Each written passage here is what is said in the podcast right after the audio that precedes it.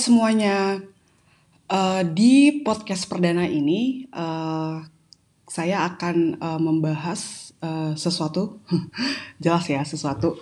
Uh, topik yang mungkin baru bagi pendengar semuanya, tapi juga uh, mungkin sudah terfikirkan sebelumnya tapi uh, lupa atau masih terpendam uh, atau diendapkan di dalam uh, pikiran masing-masing. Uh, di sore hari ini Uh, saya akan mengajak uh, sahabat saya, uh, teman saya sejak berkuliah gitu, dan kami sudah berteman hampir 12 tahun. Uh, dan kebetulan uh, uh, kami sudah uh, menginjak usia 30-an ya, seperti uh, nama podcast ini 30 something gitu. Dan melalui podcast ini banyak topiknya akan kami bahas mulai dari pikiran kami sehari-hari atau uh, buku atau film atau serial atau fenomena sehari-hari yang kejadian-kejadian yang sederhana yang uh, kami kaitkan dengan kehidupan kami di usia 30-an ini. Tapi untuk walaupun misal walaupun namanya 30 something bukan berarti uh, uh, podcast ini hanya bisa didengarkan oleh orang-orang yang uh, berusia di angka yang sama seperti kami. Bisa juga uh, didengarkan oleh uh, pendengar uh, dari beragam usia seperti itu. Dan uh, melalui podcast ini, uh, jadi awalnya membuat podcast ini sebagai inventaris digital kami, mengingat pembahasan-pembahasan uh, yang kadang uh, terlalu menarik untuk uh, kami bicarakan atau terlalu penting atau menjadi lesson learn dalam hidup itu setelah menutup telepon itu ya lupa gitu atau uh, pas diingat tapi tidak dituliskan untuk menjadi reminder gitu dan uh, podcast ini akan menggantikan catatan-catatan kecil itu jadi ketika dua atau tiga atau sepuluh tahun lagi uh, kami ingin kembali lagi untuk mengingat pembahasan yang pernah yang sudah pernah kami buat ya tinggal ngeklik gitu. Jadi tinggal uh, mendengarkan lagi pembahasan ini. Jadi uh, untuk pendengar semuanya yang mungkin uh, tertarik untuk mendengarkan podcast ini, semoga memberikan uh, semangat yang baru, pemikiran yang baru, perspektif yang baru uh, mengenai hidup, mengenai topik-topik uh, pembahasan, mulai dari buku, uh, kehidupan sehari-hari yang sederhana, atau mungkin kucing gitu ya atau fenomena-fenomena uh, sederhana yang ada di sekitar kita sehingga uh, kita bisa bercakap-cakap dan saya percaya sih uh, dengan berbicara dengan berdiskusi uh, itu sangat uh, berguna untuk uh, apa ya mendatangkan uh, insight baru dan juga uh, kalau saya sih mengistilahkannya itu ada kabel-kabel uh, lampu yang ada di dalam otak kita itu menyala gitu. Nah itu salah satu manfaat uh, ketika kita berdiskusi. Dan uh, bagi teman-teman semuanya pendengar, selamat mendengarkan. Dan uh, kalau ada pertanyaan atau masukan itu kami sangat menantikan sekali. Uh, terima kasih dan sekali lagi selamat mendengarkan.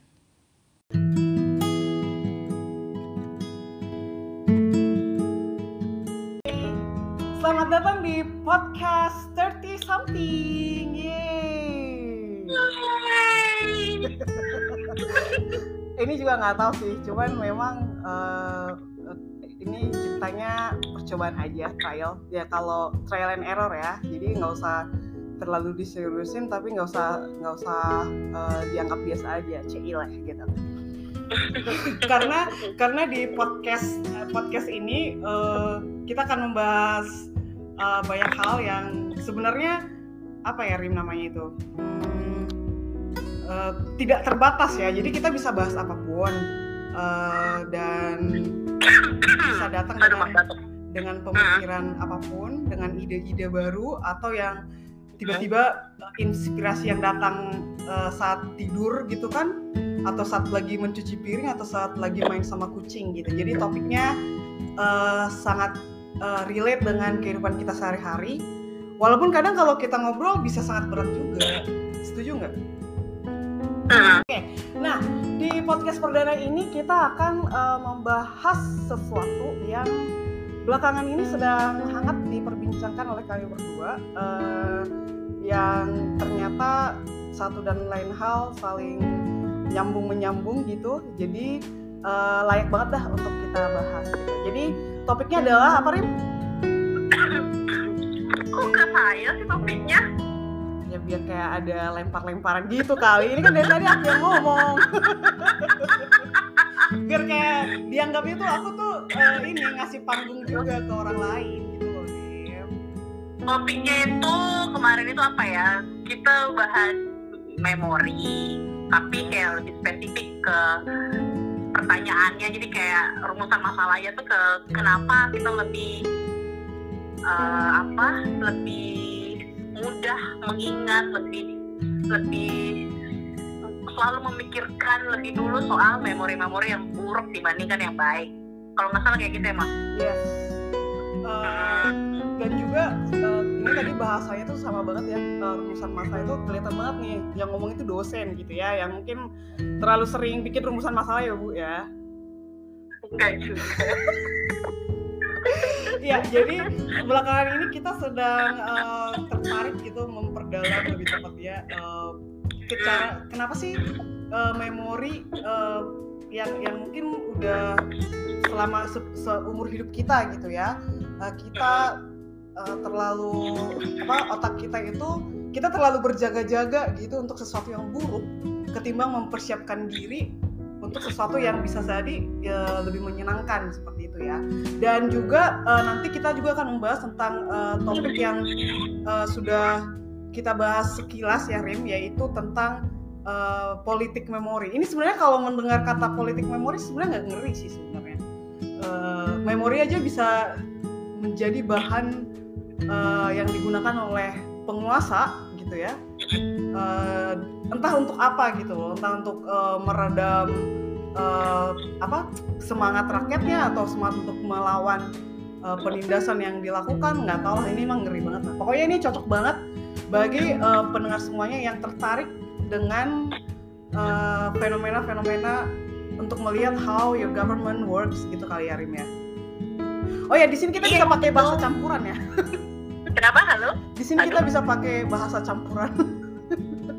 Silakan pokoknya yang penting bisa mengekspresikan ide gitu gagasan yes. atau kegalauan betul sekali. Dan uh, sebenarnya sembari kita sedang merekam ini kucing yang kecil ini sedang mengganggu saya. Dia sedang hobi mencakar dan memanjat saya gitu ya. Jadi nggak apa-apa tapi nggak apa-apa tidak akan mengganggu uh, kehusyukan kita dalam membahas tentang topik hari ini yaitu memori slash kenangan. Oke okay, uh, eh, mungkin kita bisa dengarkan dulu uh, apa ya namanya uh, apa sih biasanya Rim yang kalau uh, uh, opini atau premis atau apalah itu namanya mengenai memori yang uh, kamu punya nih Rim uh, apa apa yang bisa kamu share dulu uh, kepada pendengar kita tentang uh, memori? Silakan oke okay, kalau dari saya sih uh, gimana ya? Kok aku jadi gimana gitu mau bahas mungkin karena ini direkam ya jadinya gimana biasanya gitu ya? Iya jadi kayak takut gitu ngomong gitu. Jadi uh, sebenarnya soal memori itu uh, pertama-tama tuh karena ini ya Monia uh, novel. Yeah. Pertama-tama kan karena novel dulu kayak baca punya uh, tulisannya siapa sih yang 1984 George Orwell. Nah tulisannya si Orwell itu dari situ kan uh, ngeri sekali kan soal um, soal uh, memori si tokoh utamanya itu yang kayak banyak dihapus gitu supaya pemerintahan itu tetap jalan gitu kan. Ya.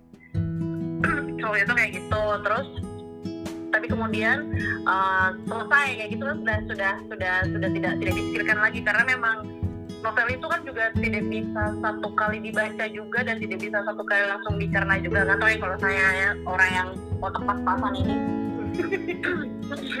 Yang kayak gitu. Tapi kemudian pencarian tentang memori ini itu secara tidak sengaja ditemukan pada saat saya uh, membuka buka ulang tesis lama gitu. Jadi dulu saya pernah menulis tentang uh, pemerkosaan pada Mei 98 jadi agak-agak ini ya agak-agak agak-agak sensitif ini temanya. Jadi jadi jadinya lari ke situ. Tentang uh, politik memori. Ada aku nggak santai banget sumpah. Ya ampun. Anggap aja anggap aja. Anggap aja di sekitar di sekitar itu uh, ini rumput-rumput ilalang gitu kali ya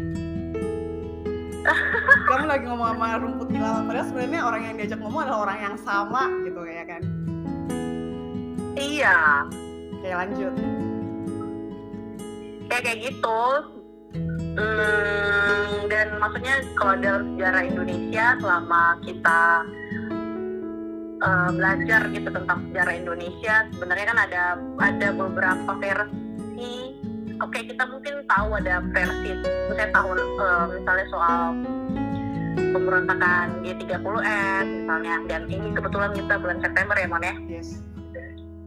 Uh, pemberontakan G30S itu kan sudah tahu nih ada narasi tunggal tentang apa namanya pemberontakan uh, perlawanan dari PKI kemudian pembunuhan terhadap tentara tapi kemudian di masa-masa sekarang ini setelah beberapa puluh tahun kejadian itu berlalu muncullah narasi-narasi dari korban tahun 65 yang kemudian yang kemarin mereka diasingkan di Pulau Buru padahal nggak salah apa-apa cuma mungkin partisipan dalam kegiatan-kegiatannya PKI gitu kan.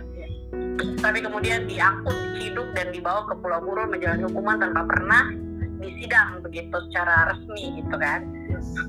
Muncul narasi-narasi ini. Nah dan dan itu juga dengan uh, uh, cerita tentang 98 gitu. Ke 98 kan banyak banyak uh, narasi yang muncul narasi tunggal yang muncul. Itu kan tentang apa ya waktu itu uh, turunnya presiden gitu kan. Terus ada mahasiswa tapi entah kenapa kok isunya tuh bisa bisa teralihkan gitu ke saat itu pembakaran pembakaran toko-toko uh, etnis Cina dan uh, ada di situ kejadian pemerkosaan 98 juga gitu. Tapi itu tidak terbuka begitu sampai sekarang karena tidak tidak terbuka dan dan memang tidak pernah juga diakui sama negara. Tapi uh, saya lihat mon kemarin saya iseng-iseng searching ternyata ini uh, Metro TV kalau nggak salah ya itu kayak bikin semacam dokumenter singkat gitu membahas membahas ulang kembali soal 98 ini pemerkosaan 98 dan kayak yang pendamping-pendamping korban itu itu diwawancarai dan mereka ya kayak memberi kesaksian lah soal yang termasuk Romo Tandiawan mereka memberi kesaksian bahwa pemerkosaan itu benar-benar ada.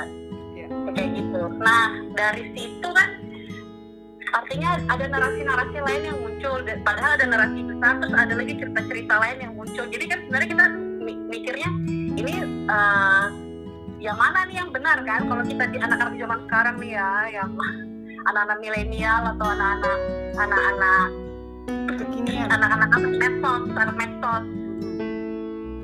Anak-anak medsos. Apalagi medsos ini kan juga salah satu kanal kanal yang benar-benar oh, berlimpah informasi dan itu tidak tidak difilter kan kalau mungkin dulu di sekolah ya buku-buku pelajaran itu bisa difilter gitu kan ya. sekarang kan enggak gitu muncul lah terus muncullah cerita-cerita ini juga di media sosial narasi-narasi kecil ini narasi-narasi korban ya. nah kita sebagai generasi milenial ini bingung kan jadi ada pas nggak ya minimal mau bertanya sebenarnya cerita yang benar teh mana sih kayak gitu kan ya. nah di sini berarti yang kalau yang sepengetahuan saya ya yang masih masih sangat minim belajar tentang teori konsep politik ingatan adalah bahwa politik bahwa memori memori kita sebagai memori itu bukan hanya soal kita saja sendiri nggak sih? Maksudnya bukan dari kita gitu memori.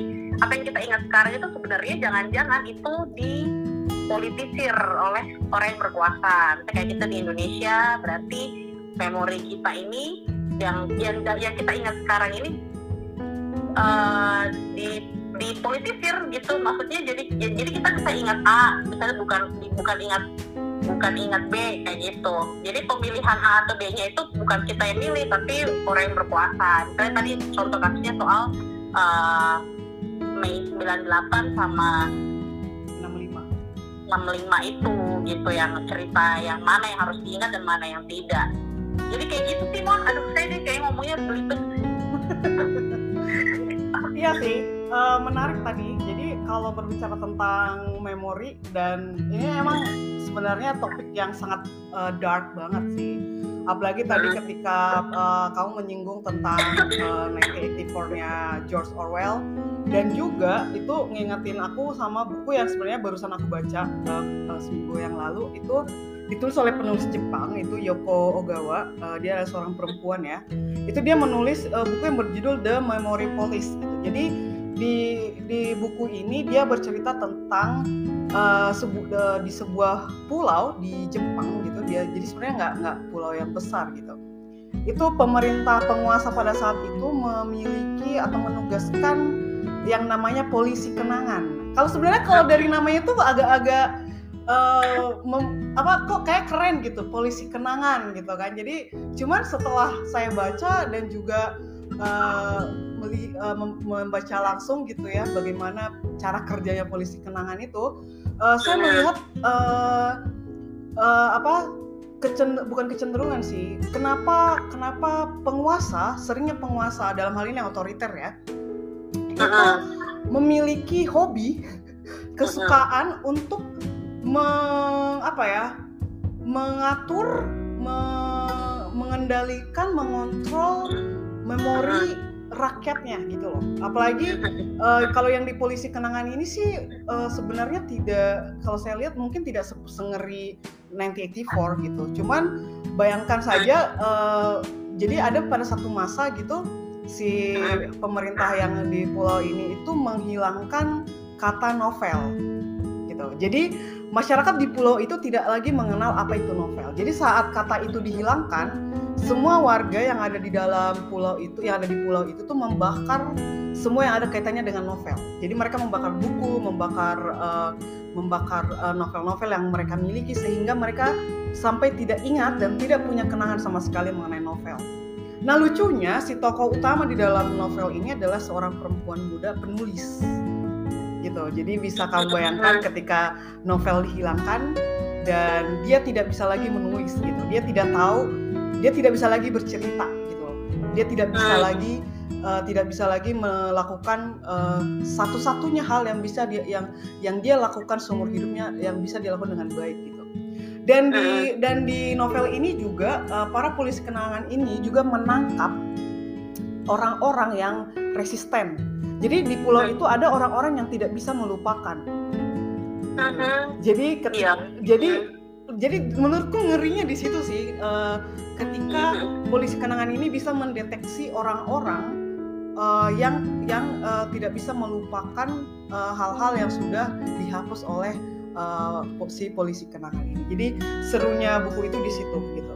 Dan itu mengingatkanku juga tentang uh, yang uh, kita bahas yang si Orwell itu uh, apa tentang penghapusan juga ya gitu. Menghapus uh, kata-kata tertentu gitu ya. Mereduksi makna gitu. Terus kegiatan kegiatan-kegiatan yang menyenangkan itu di apa bagaimana mereka gitu soal seks aja itu kan dibuat se, setidak semenyenangkan mungkin kan. Artinya seproduktif mungkin aja gitu untuk berkeluarga. Kalau nggak kayak gitu nggak boleh untuk have fun misalnya soal kegiatan yang menyenangkan. Terus kayak ngumpul-ngumpul juga nggak boleh kalau nggak salah ya. Dan kata-kata tertentu yang mengandung resistensi yang mengandung perlawanan itu di selain di apa di, di dikendalikan maknanya gitu ya. Jadi dibuat uh, pokoknya uh, apa namanya pokoknya dihilangkan lah gitu. Selain direduksi ada juga kayak penghilangan kata-kata tertentu gitu. Tapi iya uh, iya iya iya. iya kan? Terus uh menarik juga sih uh, walaupun walaupun di dari 1984 itu jadi walaupun misalnya walaupun si penguasa uh, para pemerintah otoriter itu sudah mengatur, mengendalikan, mengontrol semua uh, makna, kenangan, memori gitu, uh, menarik sih. Uh, yang yang aku ingat itu adalah si Winston, tokoh di 1984 itu. Uh, dia, iya, iya kan? Direduksi maknanya kata-kata tertentu. Menarik. Uh, Kata yang, kunci, iya nggak sih? Yes yang yang terpikirkan olehku hmm. uh, kata-kata tertentu itu bisa membangkitkan Iya. perlawanan atau membangkitkan kalau dalam hal ini sih itu yang paling ditakutkan para otorit ot- pemerintah otoritarian ya yaitu munculnya perlawanan munculnya resistensi gitu loh dari orang-orang yang eh, apa namanya yang tidak bisa melupakan. Eh, nah. Orde baru juga kan kayak kata wanita itu kan kayak digunakan. Tapi kata perempuan tuh kayak selalu diasosiasikan dengan sesuatu yang bermakna buruk gitu. Misalnya perempuan jalang. Gitu ah kayak gitu. Iya iya iya. Eh tapi bentar yang di polisi kenangan itu kenapa sih novel nggak boleh di ini? Nggak boleh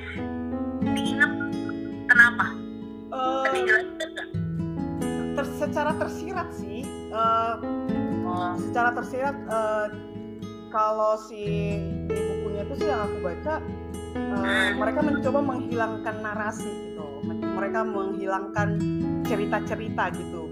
Dan apa namanya no- di dalam novel atau dalam cerita yang yang ditulis oleh orang-orang yang menulis itu eh, kayak menyimpan eh, ingatan tentang kegiatan-kegiatan si polisi kenangan ini gitu jadi oke jadi supaya tidak ada yang mengingat dan supaya tidak ada yang uh, bisa membaca sejarah atau uh, apa namanya uh, pengalaman-pengalaman orang-orang yang di pulau mengenai polisi kenangan itu.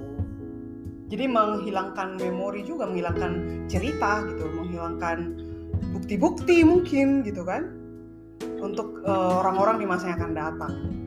Kupikir itu mungkin salah satu bentuk dari juga eh, kecenderungan pemerintah otorit otoriter itu menghapus memberang memberangus atau menghilangkan bukti-bukti sejarah nggak sih? ah ah, benar benar benar Iya kan? Mungkin kayak kalau kayak kita sekarang eh, kita tidak akan bisa lagi mungkin menemukan buku-buku eh, kalau saya tidak salah ya itu sebenarnya beberapa karyanya Pramudia Anantatur itu banyak yang hilang sebenarnya. Banyak yang dibakar. Eh, waktu eh, waktu eh, apa masa dia masa produktif menulis dan pemerintah saat itu melalui angkatan darat kalau nggak salah tentaranya itu ini Ah, si tulisan-tulisannya Pram itu semua harus diserahkan ke tentara. Dan buku yang kita bisa baca sampai sekarang itu bisa dibilang itu buku yang selamat lah gitu loh. Ah, ah. Jadi memang eh, ya sebegitu takutnya lah gitu ya dengan memori dengan eh, kenangan dengan kata-kata gitu. Tapi eh, yang menarik Rim yang eh, seperti di 1984 walaupun eh, pemerintah otoriter itu berusaha sekali untuk eh, menghapus memori atau mereduksi makna kata-kata atau pengalaman itu menarik ketika kamu masih ingat nggak waktu si Winston tokohnya itu bilang eh, di depanku lagi ada bukunya sih jadi aku bisa mengutipnya. Oh iya baguslah. Apa? Jadi eh, ini apa? Dia bilang gini Hmm. selalu di perutmu dan di kulitmu ada semacam protes. Perasaan bahwa kau sudah dicurangi tentang Hmm. tentang sesuatu yang seharusnya hakmu. Hmm. Dan eh, ini ada satu lagi yang tentang terkait memori ya Eh, mengapa orang harus merasakannya sebagai sesuatu yang tak tertahankan seandainya dia tidak punya semacam memori turun temurun bahwa kehidupan pernah tidak seperti ini. Jadi walaupun ingatan mereka direduksi atau dihilangkan, eh, kalau yang aku tangkap dari sini adalah tubuh mereka mengingat, Rim.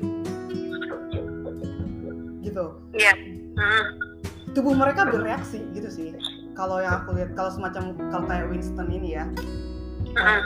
itu dia kenapa dia kan juga yang paling diawasi ya di di, di masa dia itu gitu. Menarik sih menarik menarik. Kayak gitulah saudara. memori memori. Ada lagi yang kamu tambahkan nih tentang kenangan memori? Hmm. Atau Iya. mungkin yang berkaitan dengan memori yang kamu alami sendiri atau kamu eh ya yang mungkin kamu alami juga gitu. enggak sih cuma maksudnya kalau cuma gini kita kan mikirnya memori itu kan sesuatu yang apa abstrak ya, ya. abstrak kan cuma tadi pas kamu kamu bacakan siapa sih pemikirannya si Winston itu lagi yang soal tubuh dia mengingat? Hmm, memori itu apa? Cuma kayak gitu aja sih.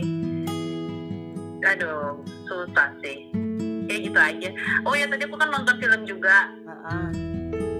uh, judulnya Hope Frozen. Jadi tentang uh, apa sih namanya? Film dokumenter tentang anak perempuan yang di umur 2 tahun dia meninggal karena kanker otak tapi terus bapaknya tuh ilmuwan gitu. Bapaknya ilmuwan terus uh, dia itu kayak um, belum bisa merelakan anaknya gitu untuk untuk untuk pergi gitu untuk untuk meninggal. Jadi dia tuh kayak kayak melakukan apa sih namanya tuh uh, mekanisme apa tuh yang membekukan tubuh gitu kok saya lupa sih barusan nonton tadi. Uh, ya membekukan tuh uh, iya iya iya. aku juga. Krionik krionik. Krionik nah, anak cari uh, uh, krionik gitu. Jadi jadi kayak uh, tidak terlalu dijelaskan secara atau mungkin aku dijelaskan tapi karena nggak ngerti jadinya nggak terlalu nangkep gitu. Pokoknya intinya dia tuh tubuhnya dibekukan dimasukkan ke dalam kapsul gitu dibawa ke Amerika. Jadi kayak ada labnya itu di sana uh, dan katanya dan akan menunggu mungkin sekitar pokoknya untuk waktu tidak bisa ditentukan sampai ada teknologi yang bisa membangunkan si adik ini gitu. Dan ternyata bukan si adik jadi si adik ini tuh namanya Ain. Ain ini uh, jadi kayak yang pertama di Asia dan uh, paling muda di antara semua pasien yang dibawa ke lab di Amerika itu kayak gitu. Nah terus si kakaknya Ain ini kakaknya Ain itu kayak kayak kemudian berusaha bertemu dengan uh, ilmuwan yang yang yang waktu itu menangani adiknya gitu. Tapi si ilmuwan itu pun sendiri dia bilang uh, ada bagian dari otak itu apa? Namanya jadi kan pada saat pembekuan itu jadi katanya otak itu terlebih dulu dikeringkan dan itu merusak apa gitu bagian apa yang sebenarnya akan merusak itu memori kayak gitu merusak memori nah terus si kakaknya Ain ini kemudian berpikir ulang dan bertanya dia bilang terus uh, kalau misalnya memori rusak dan karakter itu juga rusak kalau misalnya tubuh bisa hidup apa gunanya kemudian menghidupkan kembali kalau misalnya memori itu sudah nggak ada?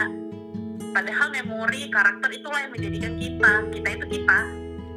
Wow, itu dalam banget iya jadi kayak uh, kayak gitu jadi hmm, kembali lagi makanya kan memori itu kemudian berusaha dipolitisir mungkin ya supaya untuk ya, mungkin tujuannya memang supaya tidak menjadikan orang atau manusia sebagai manusia mungkin tapi tapi atau iya, iya. Hmm. tentang itu yang kamu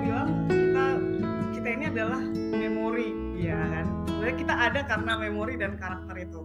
Jadi aku hmm. jadi ingat uh, yang juga kita bahas waktu lalu mengenai peran serta nenek moyang kita dalam meneruskan memori-memori ini sih. Oh iya silakan bu. Gimana penjelasannya? Jadi, jadi aku sepakat sih tentang itu. Karena uh, kita kita ada sampai saat ini itu juga uh, peran uh, nenek moyang kita ya. Peran evolusi uh, uh, manusia gitu ya dengan apa DNA kita atau ingatan misalnya gini loh uh, kita bisa tahu uh, jamur tertentu mengandung racun itu bukan karena kita memakannya kemudian mati maksudnya kita ya karena kalau kita mati kita nggak bisa mengingatnya lagi. Tapi uh, nenek moyang kita lah yang meneruskan memori itu gitu loh bahwa jamur X nggak bisa dimakan karena si Y waktu itu mati karena makan itu misalnya gitu.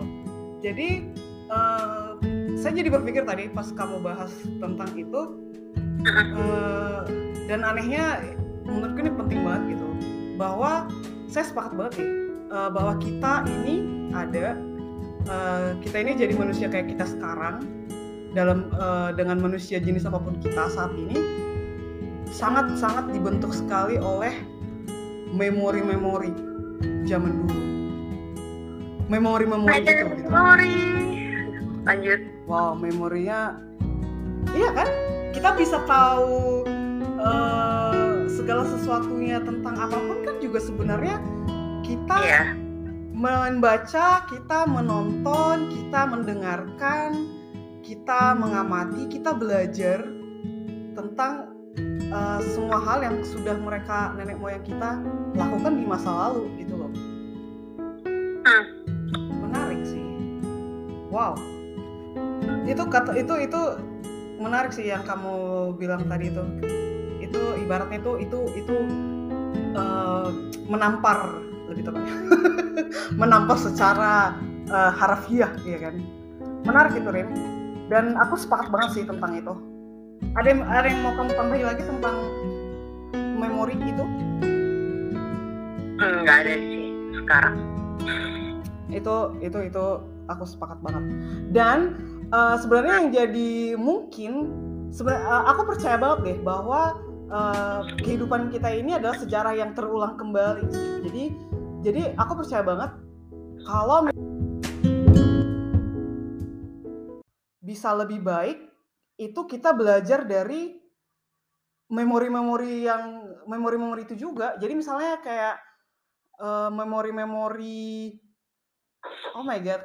Ini tiba-tiba otakku penuh Rim, gimana dong? Nggak apa-apa, lanjut aja.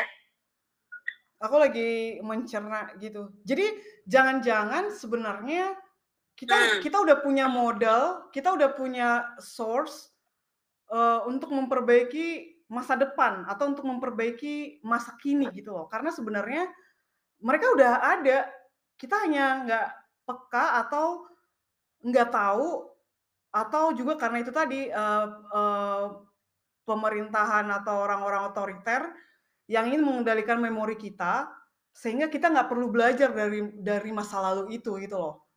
Jadi sebenarnya kita udah punya modal untuk untuk hidup sih, untuk memper untuk jadi lebih baik mungkin. Ini berat banget ya. Lagi-lagi tentang memori itu. Tapi tapi satu pertanyaan menarik sih Rim. Maksudku uh, menurutmu uh, memori kita sekarang itu uh, juga punya potensi terdistorsi nggak sih walaupun walaupun kita tidak kita tidak berada di dalam pemerintahan yang otoriter. Jadi otak kita pun bisa menyimpan memori yang tumpang tindih yang mungkin sebenarnya uh, in real life nggak kayak gitu, tapi kayak kita mengingatnya B, tapi sebenarnya A gitu. Ya kayak fal- false memory gitu kan. Makanya tadi kan pas kamu bilang kita ini sebenarnya sudah punya modal untuk menjalani hidup karena sudah punya memori. Bentar dulu, ini memorinya beneran valid kayak gitu atau jangan-jangan dia tuh bohong gitu juga kan? yes. Iya, bingung juga sih sebenarnya. Belum lagi memori-memori yang misalnya juga muncul di alam bawah sadar kita, misalnya pada saat mimpi gitu. Itu kan juga itu apa gitu. Yes. Ke Itu kita perlu ahli tafsir mimpi kayaknya untuk untuk membantu kita gitu ya. Itu Iya. iya benar-benar. Jadi Heeh. jadi sebenarnya eh memori itu apa berarti Rim? ya kita harusnya mulai dari situ sih pertanyaannya. Adakah yang bisa gitu kan mendefinisikan? Jadi memori itu apa ya? Dan juga sebenarnya eh, memori ini eh, menunjukkan bagaimana kalau aku sih kayak amazed gitu ya dengan cara kerja otak manusia sih. Cara kerja otak kita gitu loh. Itu bisa menyimpan memori yang mungkin kayak kita sendiri pun mungkin secara secara misalnya nih secara sadar nih kita nggak mengingat apa pun tentang itu misalnya ya kan tapi ternyata tersimpan dalam otak kita gitu loh Iya. jadi lagi-lagi kembali ke pertanyaan apa itu memori apa itu kenangan Ay, asik Iya ya benar benar. Asik, asik. Ini aku aku searching sih. Oke. Tapi di di Google dibilangnya memory, the faculty by which the mind stores and remembers information. Something remembered from the past. Kalau di komputer, the part of computer in which data or program instructions can be stored for retrieval. Tapi kalau tadi kata kuncinya from the past. Menurutmu ada kemungkinan nggak memori kita juga menyimpan sesuatu tentang masa depan? Ah. Tapi gimana ceritanya, Bu? Dia di kalau dari kalau masa lalu mungkin oke oke masih oke lah. Karena kita jangan-jangan entah bagaimana ceritanya tuh memori ternyata bisa diwariskan gitu. Se- Selain entah lewat gen atau apa gitu, ternyata diwariskan juga gitu. Tapi kalau masa depan gimana ya, Bu? Berarti itu masalahnya kalau waktu udah beda lagi, Bu. Ternyata kita ada dalam dunia paralel gitu, Rem. Jadi ada kita. Iya, iya sih, aneh juga sih. Itu kan berarti kayak, ya tapi bisa jadi juga karena emang kan waktu itu bukan sesuatu yang linear kan, yang kita bukan yang yang garis lurus gitu kayak kita dari dari masa lalu kemudian jalan terus ke depan enggak. Who knows ternyata waktu ber- berbentuk ternyata apa gitu, Yes. apa lingkaran atau bentuknya apa gitu kan? Who knows juga gitu kan? Benar, benar, benar. dan dan dan maksudnya di diteorikan eh, dan dan oh iya tadi aku jadi ingat film tadi itu juga yang bapaknya Ain itu dia eh, percaya banget gitu bak di masa depan dia sebagai ilmuwan tuh percaya banget akan ada ini time machine gitu Eh, iya sih bisa jadi juga karena misalnya kayak ngeliat orang-orang yang kayak bisa meramal masa depan tapi itu itu bukan memori itu apa ya tapi kan memori juga informasi nggak sih yes. Iya kan? Iya. Eh, nah, aku lihat di Webster nih, Merriam-Webster dia bilang memory itu noun. Essential meaning of memory itu the power or process of remembering what has been learned. Iya. Something that is remembered, the things learned and keep in the mind. Jadi kayak ada proses belajar gitu kalau menurut Merriam-Webster. Dan tersimpan ya. Hmm. Kalau misalnya ada proses belajar, itu berarti kita kan dengan sengaja kan. Masalahnya adalah tadi kita itu bahas memori itu kayak lebih lebih kayak tidak disengaja gitu terus tersesat. Iya kan? Jadi yang kita tidak harapkan untuk kita ingat gitu, Simpan. diserap gitu ya kan, tanpa tanpa keinginan kita sendiri. Heeh, kalau di sini kan berarti kita ada punya kita punya power untuk ini eh, untuk mengontrol kan. Sedangkan tadi kita juga sempat membahas politik ingatan gitu kan. Di situ juga berarti kan ada proses-proses yang yang tidak bisa kita kendalikan kan. Ya. Nah kalau dari Merriam-Webster ini dia per- kayaknya mm, lebih ke ini sih kayak kontrol kita untuk menyimpan dari hasil belajar. Padahal kita sudah banyak belajar nggak juga diinget-inget itu gimana ceritanya juga kan? Atau setelah bicara dengerin kuliah 15 menit terus kayak keluar dari ruangan tadi bahas apa? Apa? Ah? Gitu. Bahas apa tadi? Lupa gitu kan. Kerap terjadi. Tapi kembali Iya, yes, kembali lagi ke tadi ke awal eh, buku yang eh, kita baca Hmm. bahwa kenapa pemerintahan yang otoriter itu sangat terobsesi dengan Hmm. ingatan gitu, dengan memori eh, masyarakat, dengan memori orang-orang yang eh, mereka perintah atau yang mereka kendalikan. Mereka kenapa mereka terobsesi gitu loh? Why? Menurutmu kenapa? Iya, tidak mau dilawan sih, tidak mau tidak mau dijatuhkan mungkin. Hmm, dan mereka melakukan penyimpangan-penyimpangan dan dan tidak mau dilihat itu sebagai sesuatu yang salah. Harusnya pemerintah itu kan harusnya kayak punya harga diri untuk selalu terlihat benar, gitu kan, Ter- selalu selalu terlihat mengayomi walaupun di belakangnya tidak gitu. Ada ego-ego entitas yang itu sih mungkin yang tidak ingin dilihat atau di diabadikan sebagai sejarah gitu. Mungkin siapa pun kan tidak ingin diingat sebagai sesuatu yang buruk kan, inginnya yang baik-baik gitu. Yes. Mungkin for mungkin for the sake of sejarah juga sih. Mungkin. Dan salah satu cara yang mereka lakukan uh, untuk menghilangkan memori itu sebenarnya mereka menghilangkan orangnya kan, ya nggak sih? Ah, benar. Jadi walaupun misalnya kayak the memory uh, the memory police itu kan sebenarnya utopis ya, maksudnya in real life sebenarnya kita mempertanyakan ini sebenarnya ada gitu. Ini ada nggak sih? Enggak nggak sih gitu kan?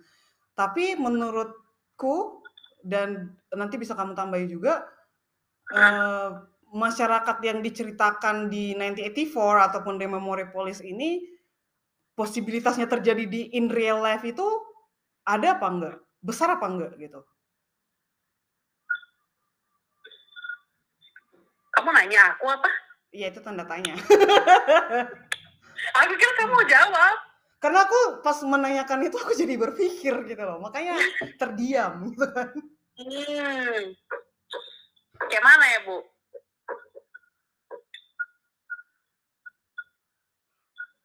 Nggak tahu sih. Aku aku aku aku percaya itu sangat mungkin sih.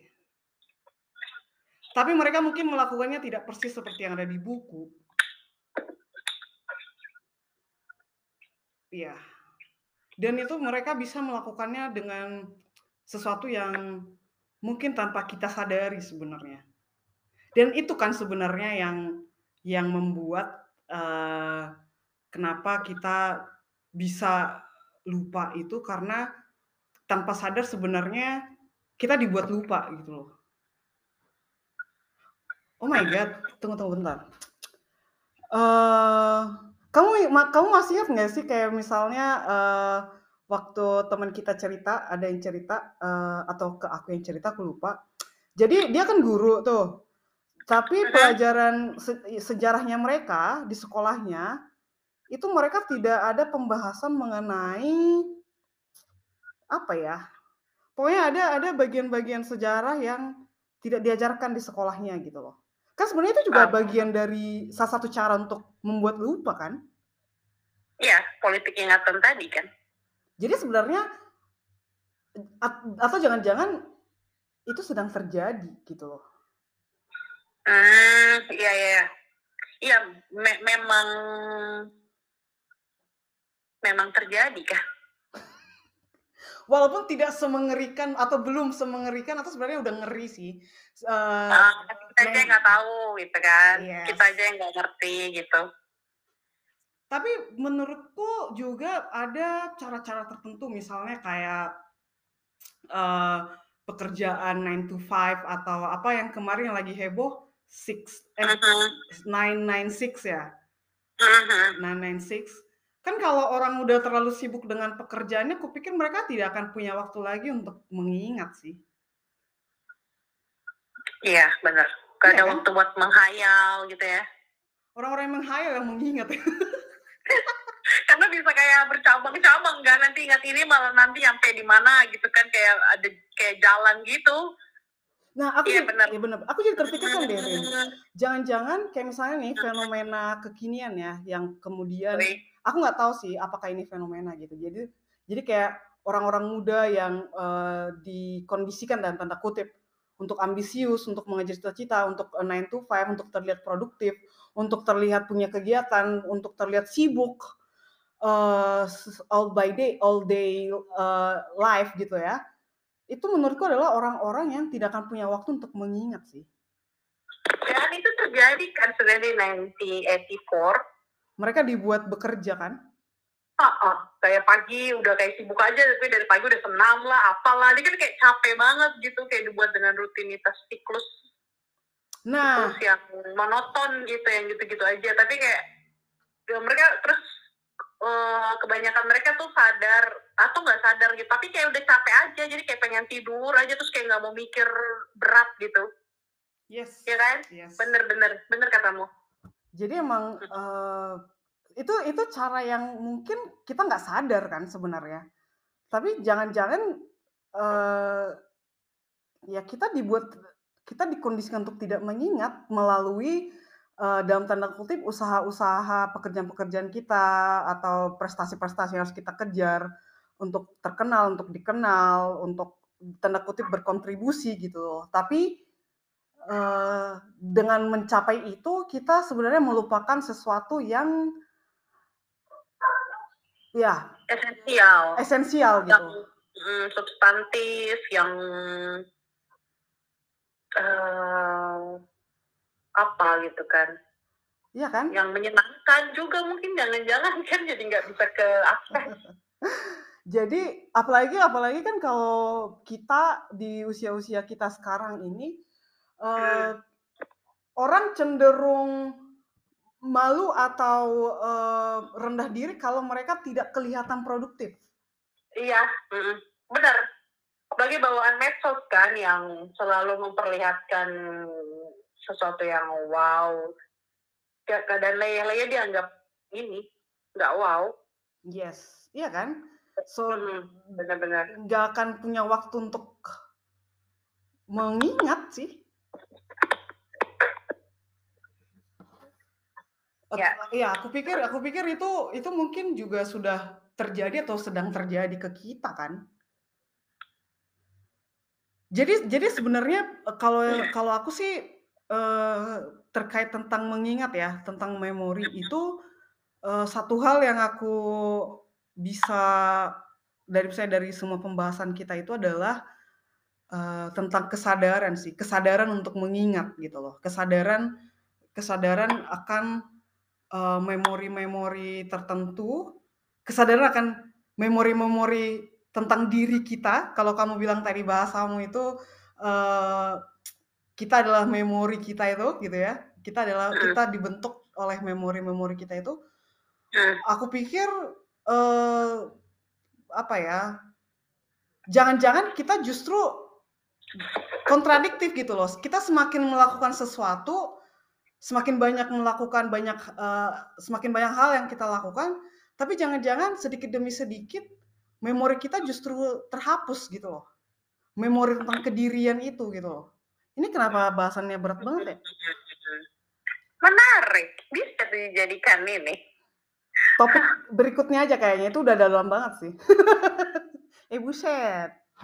Iya nggak sih?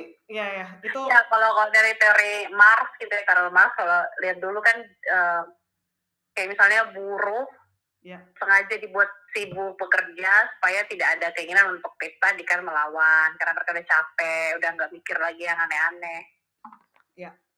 Uh, dan nggak berpikir lagi Kayak, untuk berserikat dia kan? Hmm, kenapa? Tidak kepikiran lagi untuk berserikat. Iya, tidak kepikiran lagi kayak ini kita adil nggak sih gitu-gitu kan? Iya. Tidak mikir keadilan lagi atau apa? Atau kayak kalau percakapan-percakapan di film atau di buku kayak udahlah kita juga nggak akan bisa mengubah apa pun kita hidup aja bisa makan udah syukur gitu Kayaknya iya sih. Tapi memang banyak hal kalau mau dibilang hal-hal apa saja yang bisa menggerus. Aku kayak akan menggerus ya.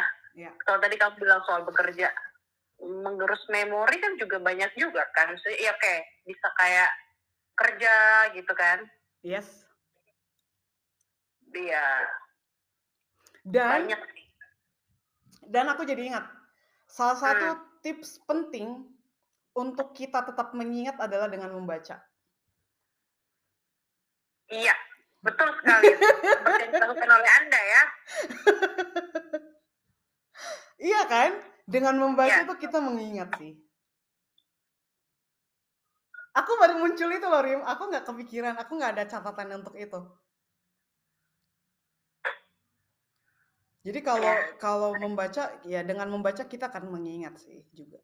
Dan justru kadang-kadang yang tadinya kita nggak ingat gitu, ketika kita membaca, uh, kita bisa dibawa ke ingatan itu gitu, ya, ingatan tertentu itu gitu. Nah, jadi menurutku itu itu salah satu keajaiban kata-kata ya. Jadi iya. kayak yeah.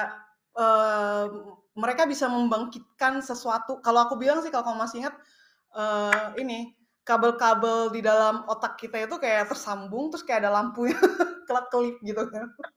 Ting nyala gitu ya. Dan kemudian kayak kita ah ya ini dia ini dia gitu.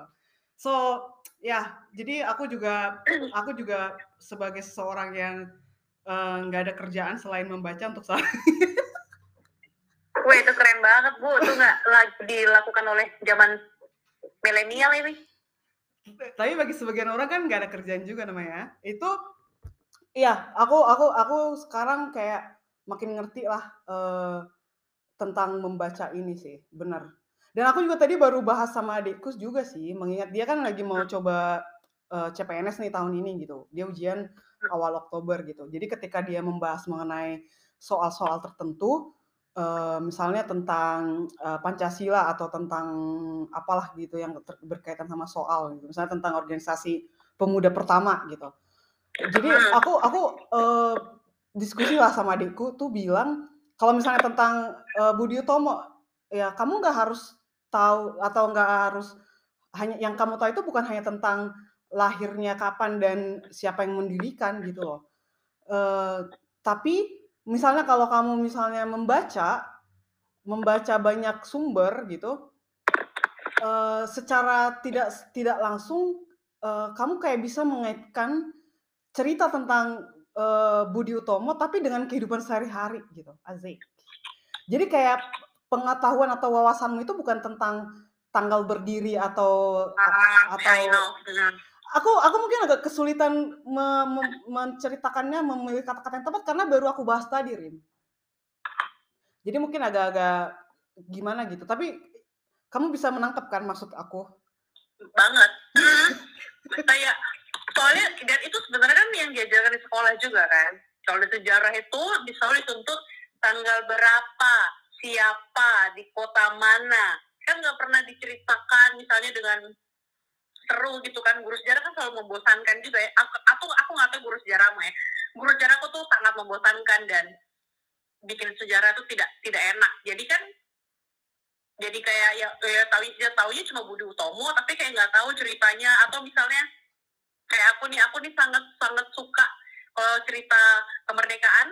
Iya. 17 Agustus kan orang-orang pada uh, proklamasi gitu. Aku selalu terharu dengan cerita Rengas Dengklok. Penculikan ke Rengas Dengklok itu menurutku sesuatu yang yang keren gitu. Tapi kan kalau sejarah nggak di nggak di nggak dibawa seru kan sama guru sejarah. Makanya ya jangan salahkan adikmu juga kalau dia nggak bisa kayak meriletkan cerita soal uh, ketika mengingat Budi Utomo tuh agak susah untuk mengingat cerita tentang Budi Utomo dibanding dengan tanggal-tanggal penting.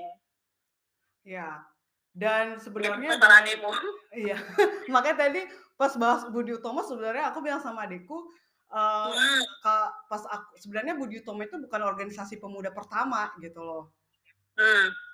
Uh, jadi sebenarnya uh, kalau dari buku yang aku baca uh, yang dalam hal ini ditulis oleh Pramudia Nantatur itu si hmm? Dr. Suryo Dr. Tirto Adi Suryo itulah sebenarnya penggerak pertama uh, kepemudaan gitu gerakan kepemudaan di Surabaya melalui tokoh Mingke di Bumi Manusia. Aku bilang gitu tadi aku bilang aduh jangan dulu jangan dulu provokator ya aku aku mau baca tentang Budi Utomo dulu gitu. Jadi yang kayak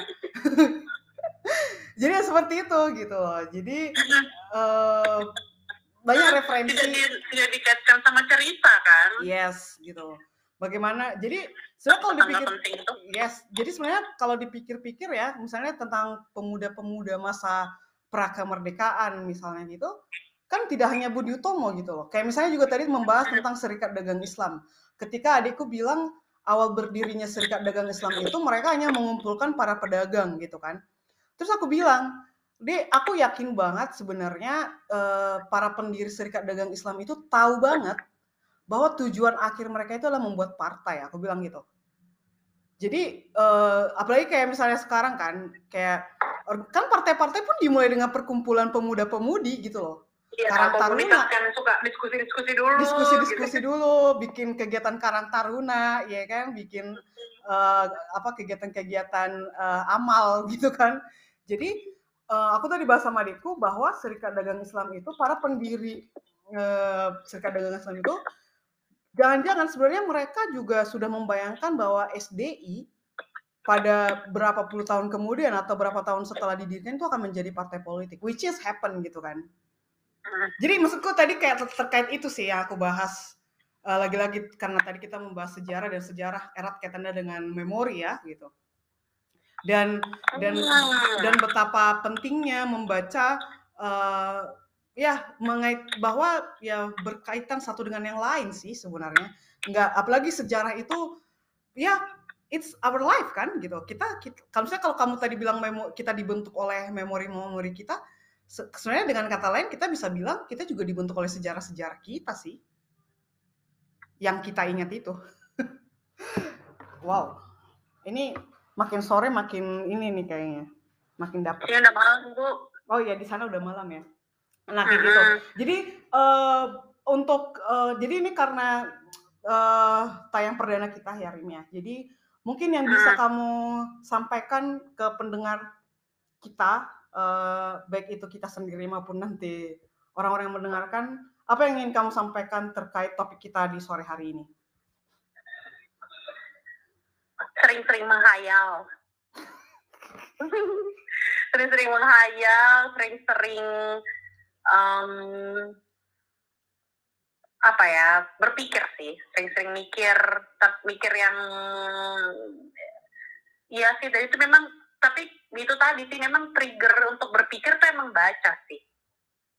Baca itu kan kayak kayak misalnya kayak kayak kayak kayu nih misalnya tadi aku baru bakar-bakar sampah soalnya. Kayu gitu tuh kayak baca itu kayak apinya gitu.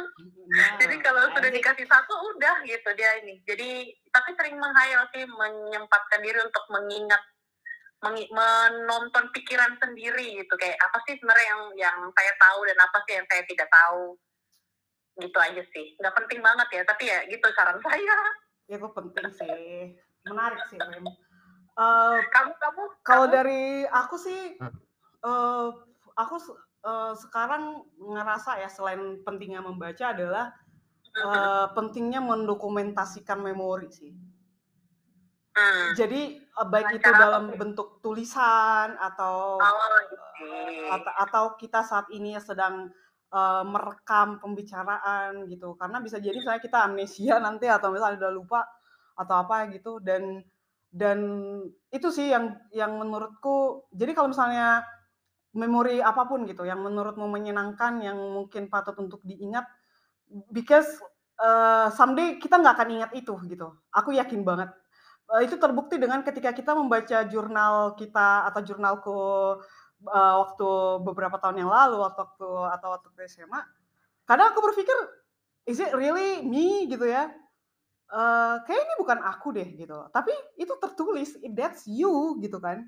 Nah di situ aku hmm. kayak berpikir kita punya kita sangat punya kita punya potensi untuk melupakan. Jadi karena kita punya potensi yang sangat besar untuk lupa, jadi untuk melawan itu adalah kita perlu mendokumentasikan semua ingatan-ingatan kita gitu loh. Baik itu tulisan, baik itu rekaman, baik itu uh, video singkat, apalagi kan dengan zaman sekarang semua semua bisa jadi dijadikan memori gitu. Apalagi sosial media gitu kan, nyimpan video di Facebook atau di TikTok misalnya, di di Instagram misalnya gitu. Pakai apa pun gitu loh. Uh, simpanlah gitu. Uh, kelak itu pasti akan berguna. Asik. Betul. Semoga. Yes. Dan uh, mungkin uh, itu dulu kali ya untuk uh, topik kita di episode perdana podcast kita ini. Dan iya. uh, aku aku senang banget karena kita akhirnya bisa melakukannya gitu ya. Uh, dan aku yakin banget uh, hal ini dan aku sangat yakin sih sebenarnya apa yang sedang kita lakukan ini juga sangat worth it banget gitu, sangat berharga banget dan juga uh, sangat besar kaitannya dengan topik yang baru kita bahas yaitu mendokumentasikan kenangan gitu, memori kita yang mana mungkin topik ini akan kita lihat lagi nanti misalnya dua atau 10 tahun lagi dari sekarang gitu dengan uh, membuka archive digital kita gitu. Uh, thank you banget untuk bintang. Sebenarnya kamu bukan bintang tamu sih Rim karena uh, kita berdua akan mengisi episode-episode berikutnya. dan ini tidak akan menjadi episode terakhir ya, tidak akan menjadi episode pertama dan terakhir gitu. Dan aku yakin banget uh, kita akan punya banyak topik topik-topik yang menurutku sangat berharga dan worth it banget untuk dibahas seperti itu. Dan ya itu aja sih dari aku. Oke, makasih juga Monik. Nanti kita ketemu lagi dengan tema-tema yang ya semoga menarik ya. Tapi kita nggak pernah sih nggak ngomongin sesuatu yang nggak menarik ya, selalu menarik minimal bagi kita berdua. Kayak yes, gitu. betul. Dan sekali. mendokumentasikan itu. Iya kayak gitu. Mon nggak usah terlalu ribet kayak nutupnya. Oh iya, oke deh. Sampai jumpa di eh, Episode berikutnya. episode berikutnya. Deh. Bye bye.